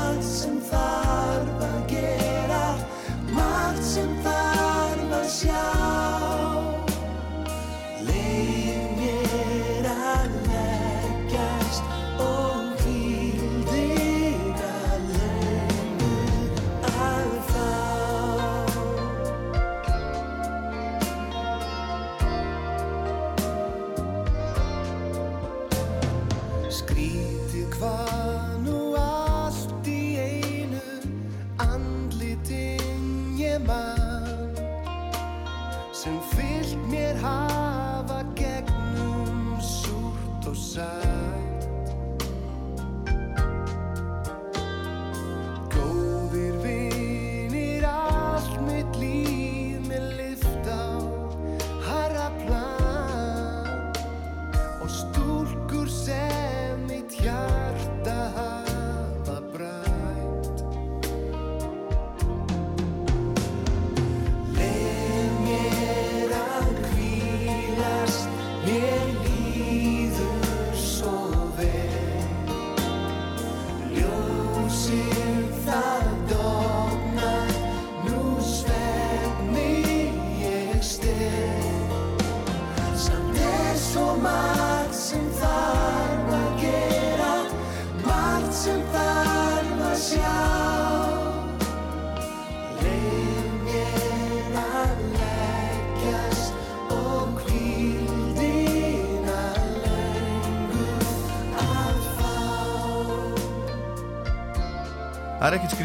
við þetta, þetta er lægið skrítið, Eyjólfur Kristjánsson sem er gestur Rokklands hérna í dag. Uh, segðu mér aðeins, aðeins frá, frá hérna, fjölskyldunum, þú átt, átt einhvern helling af börnum eða ekki og... Það getur vel að verið. það- getur vel verið, ég held ekki um ég hef ekki hugmyndu En ég á allavega börn sem ég veit, um. Já, ok. Já, tvær dætur sem er indislegar og það er nú uppkomnar. Já. 27 og og 23 Já, já Svo eldri löffræðingur og, og svo yngri vinnur hjá móður sinni Við eigum hérna svona klínik meðfællastofu Já. Ég og Sandra, kona mín. Mhm. og já, við erum búin að vera við erum búin að vera gift í bráðum 22 ár held ég. Já, 22 ár. Já. og Þannig að þið verðist eiga þokkalegt skap saman? Já, við erum búin að, Gerir- vera, sam, búin að vera saman í 25 ár sko. Gerið ímislegt saman? Já, já, algjörlega það er bara svoleiðis. Við, við erum búin að gera alveg svakalega mikið saman. Bara Já. við, við ferðumst mikið saman og, og, og, og, og hérna ef dettur eitthvað í hug þá bara gerum við það. Og er hún, ég menn, er hún í músík? Hún er, já, já, henni finnst gaman að músík. Hún, hún er ekki atvinnu tónlistamæður Nei, en, en, hún, en spilar hún á hljófæri eða? Nei, hún spilar nú reyndar ekki á en hún getur alveg sungið, sko. Já. Já, já. Og setið stundu saman og syngið saman? Já, já, og ég, hérna ég, hérna, oft hefur við verið á Spáni samanlega þá hveti ég hana til að fara í hérna karaoke og, En og, þú?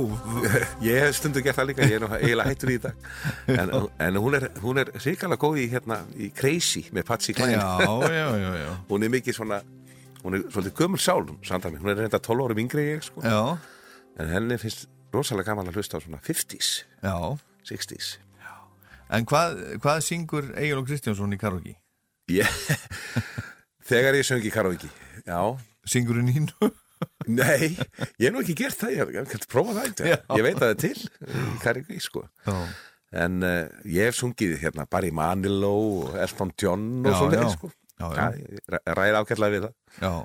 Það var gaman að því. Já. Hvað stendur Egil og Kristjánsson í pólitík og svona lífsskoðunum? Það, ég hef nú farið alveg vína völl. Já. Ég reynir nú að vera lítið politískur. Já. Ég er ekkert politískur, sko. Og ég bara svona, ég kýs alltaf. Það er nú alveg, menn eiga nú alltaf að mæta á kjörstað, sko. Alveg sama hvort ég skilju eða eitthvað, sko. Ég ákveð mig bara svona eftir því hvað er í gangi. Já. En hver er svona þín, þín svona, svona sín í uh, stór, stór, stórum dráttum? Peace on Earth. Já. Segja bara eins og Lennon. Já. Það, mér finnst alveg ótrúlega fyndið og, og sorglegt að sjá fullorðna menn vera berast á balansspjóta með þetta í dag. Mér finnst það bara alveg með ólíkjendum. Það, það skulle bara viðgangast. Já. Ég er mikil friða sinni. All you need is love. All you need Það is love. Herðu, það er hérna næsta lag, það er gott, einmitt. Já. Gott er svolítið spes. Uh, Þetta er, þetta er fyrsta, fyrsti smellurinn minn sem ég syng sjálfur. Já. Við, uh, já, svona stóri smellurinn, sko, sem ég, og, og sóló, sko. Aha. Ég söng náttúrulega alveg orðlaus með bílænafélaginu, uh, tveimur árum áður. Ég myndi nú að segja að gott hefði verið stærri smellur. og hérna, þetta var svolítið spes eh, útgá, uh, útsetning á, laginu, sko. En ég get sagt svolítið skemmtilega að sögum hvernig ég ég eh, svol, var svolítið mikið undir áhrifum frá öðru lagi því ég samtið þetta lag Já. og það var Gloria Estefan og Miami það? ég með þess að notaði sko, þetta lagið hérna Words, Words Get In The Way Var þetta því? Ég man ekki því. Realized you're seeing someone new. I don't believe she knows you like I do. You're temperamental, moody kind, the one you're always trying to hide from me. Þessi hljómar, ég notaði og eiginlega alla í lagið gott Já, já. Það er svo já. upp að hljóminn F sem er svolítið, svolítið skrítið F Já. Og hérna Mér finnst gott að vera Já. sattur þegar hún kappar eru sög. Að mál, að málsókn af leiðinni. Já, nei, nei, nei það- þú, þú getur aldrei sótt mig fyrir þetta en, en mér fannst þessi hljómar svo skemmtileg mm ég hugsa, ég, hvernig get ég komið þessum hljómum í Já, lag, já. lag eftir sjálfar mig ég gerði það bara sko. Þetta er gott Þetta er lagið gott Mér finnst gott að vera sattur þegar unga börn eru svöng. Mér finnst gott að halda fram skoðun ef ég veit að hún er raung. Mér finnst gott að sitja edru inn á klósett á gauga á stöng. Mér finnst gott að maula ópal, það er ekki bagaleg. Mér finnst gott að hún í skurði og hugsa um stjórnar samstarfið. Mér finnst gott að standa við nesko og horfa á ríkisjónvarpið. Mér finnst gott að hlusta á stormsker og býtla vina félagið. Mér finnst allt svo stórkostlegt. Mér finnst allt svo opbóstlegt útur og æði. Ég hugsa mikið um standart og gæði. Mér finnst lífið eitt allserjar djók. Mér finnst einhver einasta máli skipta Hvort í blokkum sé öryrkja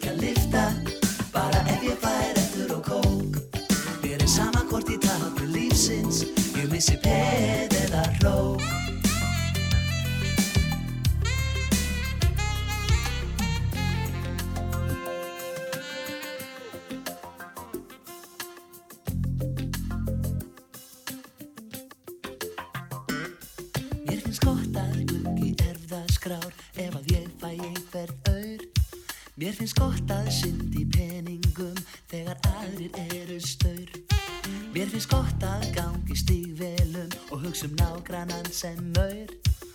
Mér finnst gott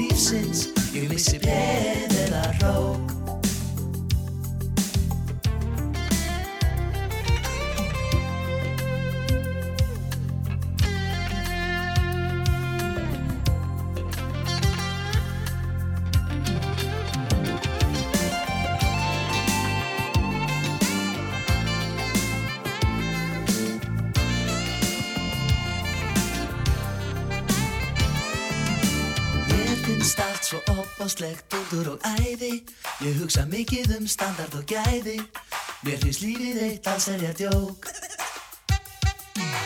Mér finnst engu einasta máli skipta. Hvort í blokkum sé öryrkja lifta Bara ef ég fær eftir og kók. Mér er sama hvort í tabli lífsins. Ég missi peð eða rók. Mér finnst allt svo opbóstlegt undur og æði. Ég hugsa mikið um standard og gæði. Mér finnst lífið eitt alls er ég djók Mér finnst engu einasta máli skipta. Hvort í blokkum sé öryrkja lifta Bara ef ég fær eftir og kók. Mér er sama hvort í Jæja, þetta er, þetta er gott, Eyjólfur Kristjánsson. Er þetta orðið gott, meinar Já, þetta er að vera gott, ég minn er, að- er að vera búinn og svona. Hérna, e, þú ætlar að, ætlar að standa á sviðinu í Háskóla bíói næsta lögataskund. Já, fyrsta og, og, með, og það er ekki gabb. Nei, nei, nei, það er ekki gabb. Það er lofur, þú ætlar að mæta. Og, og þú ætlar að vera með hérna, hérna flotta hljómsveit, gerir ég bara ráð fyrir. Ég er með 11 manna band 11 manna band og eru svona gestir með þér og Já, með- Björgun að mæta og... Eh, Ekki þetta skiptið. Nei. Uh, Ég er með Valdimar Guðmunds. Já. Hann ætlar að syngja Ég lifi í draum. Já. Ellen Kristjáns ætlar að syngja með Valdimari lag sem heitir Vor sem að ég söng með Ellen eh, Aha. í 1988 Mhm. og Ellen ætlar með þess að gefa mér í ammæliskjöf hérna einhvers staðar einhver tíman aftur. Já. Syngja það fyrir mig. Og svo er ég náttúrulega með Stefán Hilmas vinn minn og sálufélaga Mhm. til margra ára hann ætlar að syngja með mér þrjú lög. Já. og Björn Jörgundur kemur og syngur með mér tvö lög. Já, já. Svo verða leinigestir líka. Já, ok, Já, ok. Já. Þetta verður ábyggilega bara uh, mjög, mjög skemmtilegt. Og þér líður vel á sviði? Já, já. Þið finnst gaman Já, að standa á sviði? Er gaman að lá, láta klappa fyrir sér? Já, já, það er Já. Mér líður, líður yfirleitt best þannig sko. Já, og röddin er, er Já, alveg hún er, haldið sér ágætlega. Toppstandi? Ég, ég, það. ég er ekkert að reykja neitt svo þannig. Nei þannig að það er En er þetta að æfa röddin eitthvað? Ertu, Já, er ég svona gerir það. Já, ég marg oft það, Já. það, það er mikið að gera hjá mér. Já. Þannig að ég er, er mikið að syngja og spila. Já, þú ert, þú ert bara út um allt. Já, þannig að það er æfingin alveg á fullu sko. Já, herðu Eyvi hérna, við skulum enda á, á nínu, við ætlum ekki að draga það neitt, við verðum að bara, það verður að enda, enda á því, er bara, þetta er bara eitt vinsalasta lag íslenskra tónlistasögu Já, það og þetta er spilað einhvern veginn í öllum partíum. Já, já, þó svo að textin sín og frekar sorglegur. Já, það, já, já, akkurat. Það, er, það, Já, það er bara svo segð okkur aðeins, aðeins, aðeins af læginu Já, Draumur um Nínu heitir þetta og, og fjall, fjallar um, um ungar mann sem er búin að missa unnustu sína. Og eh, en eins og við öll höfum örgulega upplifað þá þegar hann dreymir hana þá var hann lifandi.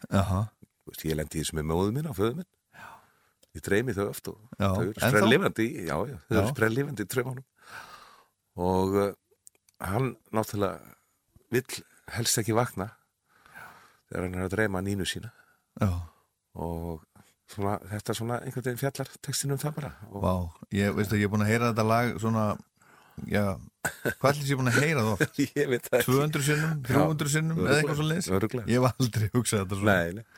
En Það, það- það, en er nefnilega, þetta- það, það er þetta sko með listin og listaverkin. Þú, þú býrið þetta til með þessa hugsun, svo, svo, svo tökum við við og, og við skinnum þetta kannski einhvern veginn allt öðruvísi. Já, já, já þetta, þetta er svona powerballada sko.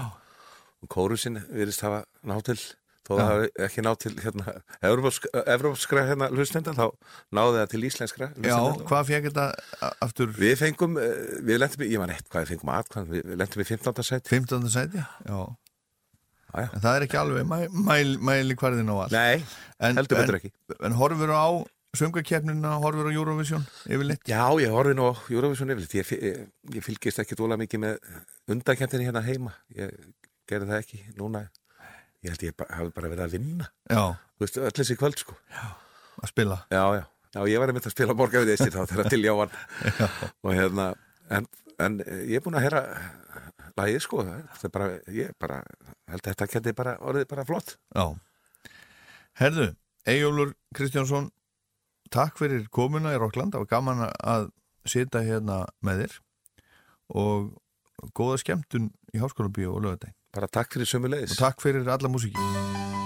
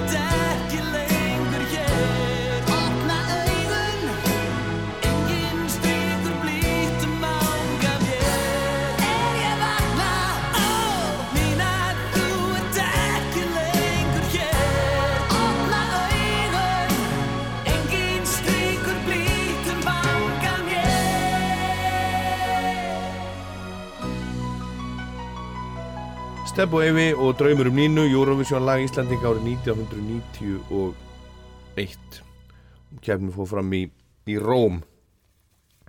Eins og margir kannski vita. En við ætlum að halda áfram að hlusta á, á Eyva. Þar til þátturinn er búinn og hlusta næst á hann og Jón Ólafs vinnans, við vorum saman í bílafennafélaginu og svona uh, hlusta á upptöku frá tónleikum sem að fóð fram á græna hattinum árið 2011 þegar Eyvi var var að fagna 50 sammálinu sínu. Þetta eru safni Rása 2. Okkur langar að gera smá tilrönd til þess að, fá sömari til að koma aftur. Þetta er lag sem að við Jón fluttum oft og mikið hér á árum áður með Bítlæfina félaginu. Og Rapp, vinnur okkar Jónsson, trommuleikari, heitinn, hann, eh, hann trommaði þetta svo listavel. Það er ekki margir trommarar sem að ná að tromma þetta lag eins og Rappi gerði það. Lag sem heitir Here Comes the Sun.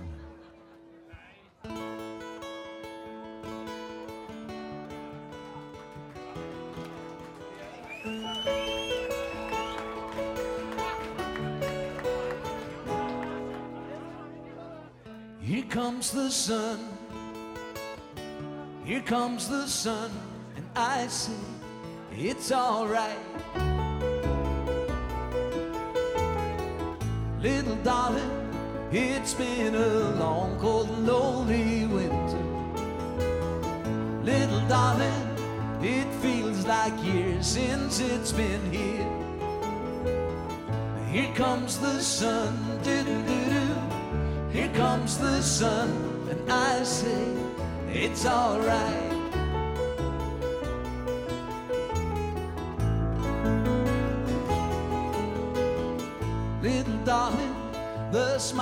Returning to their faces.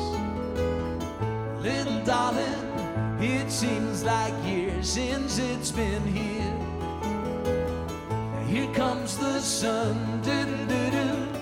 Here comes the sun, I say it's alright.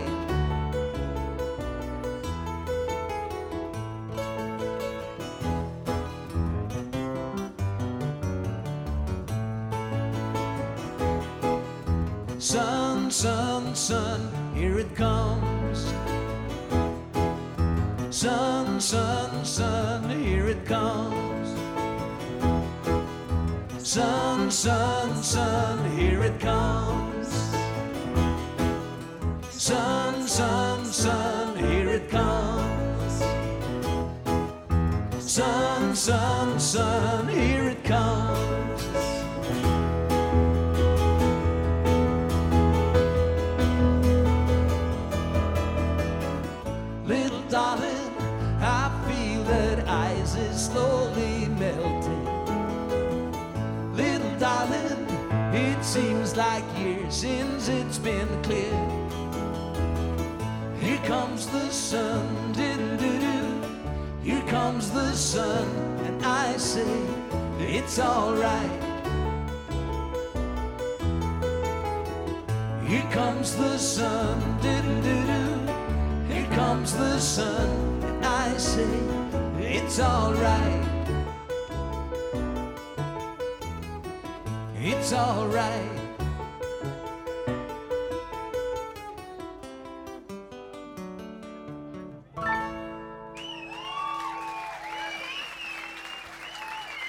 Það.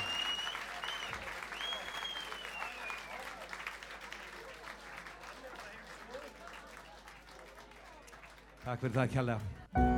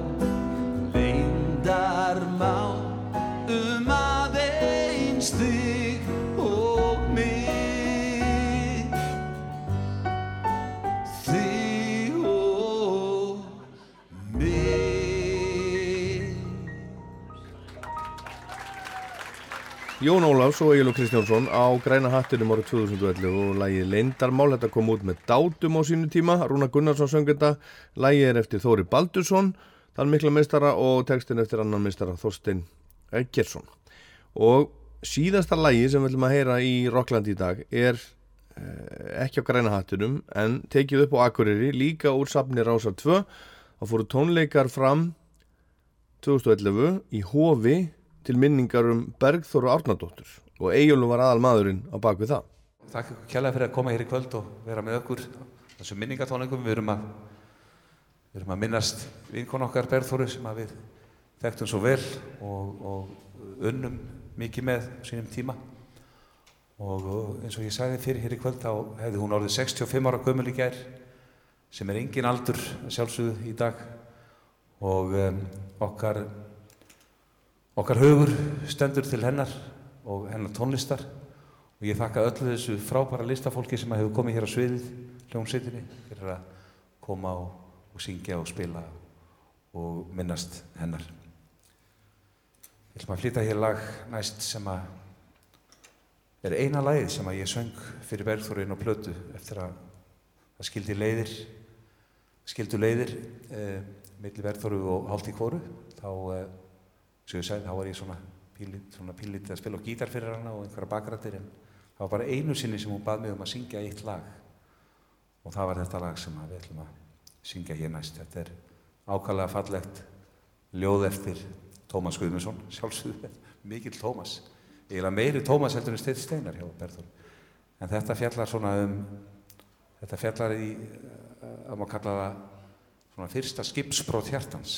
Þetta fjallar um unglingástina og þegar hjartað er ungt og ört og ég veit að það muna það allir sem eru komnir yfir þrítut kannski hvernig það var að vera skotin í eh, grunnskóla og hvað var ógeðslega erfitt þegar stelpan sem maður skotin í í fríminútum nefndi ekki að fara með mann í bimbirimbirimbam það var mjög erfitt moment.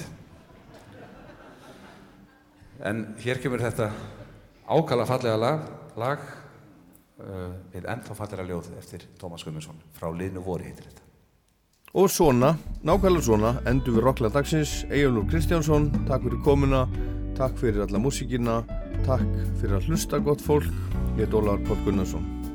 Takk.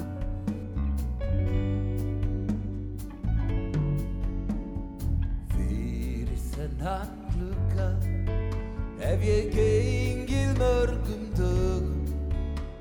Ef gengið þar að morni dags En ofta seint á kvöldum.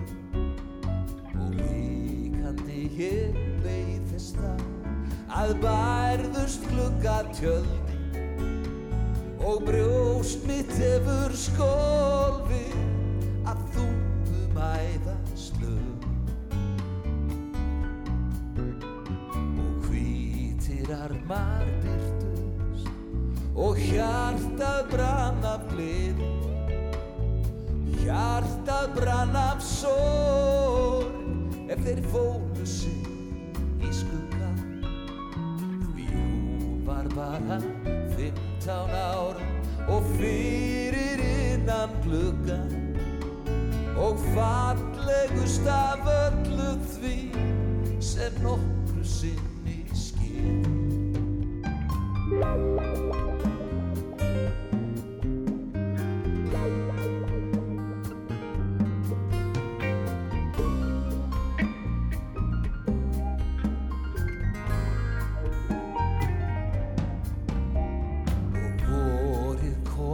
mæ.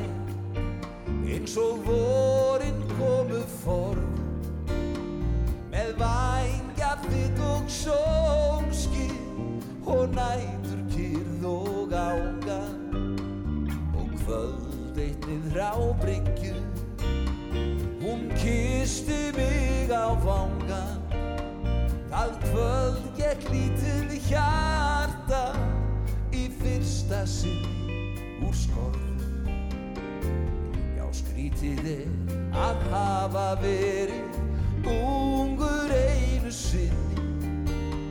Og að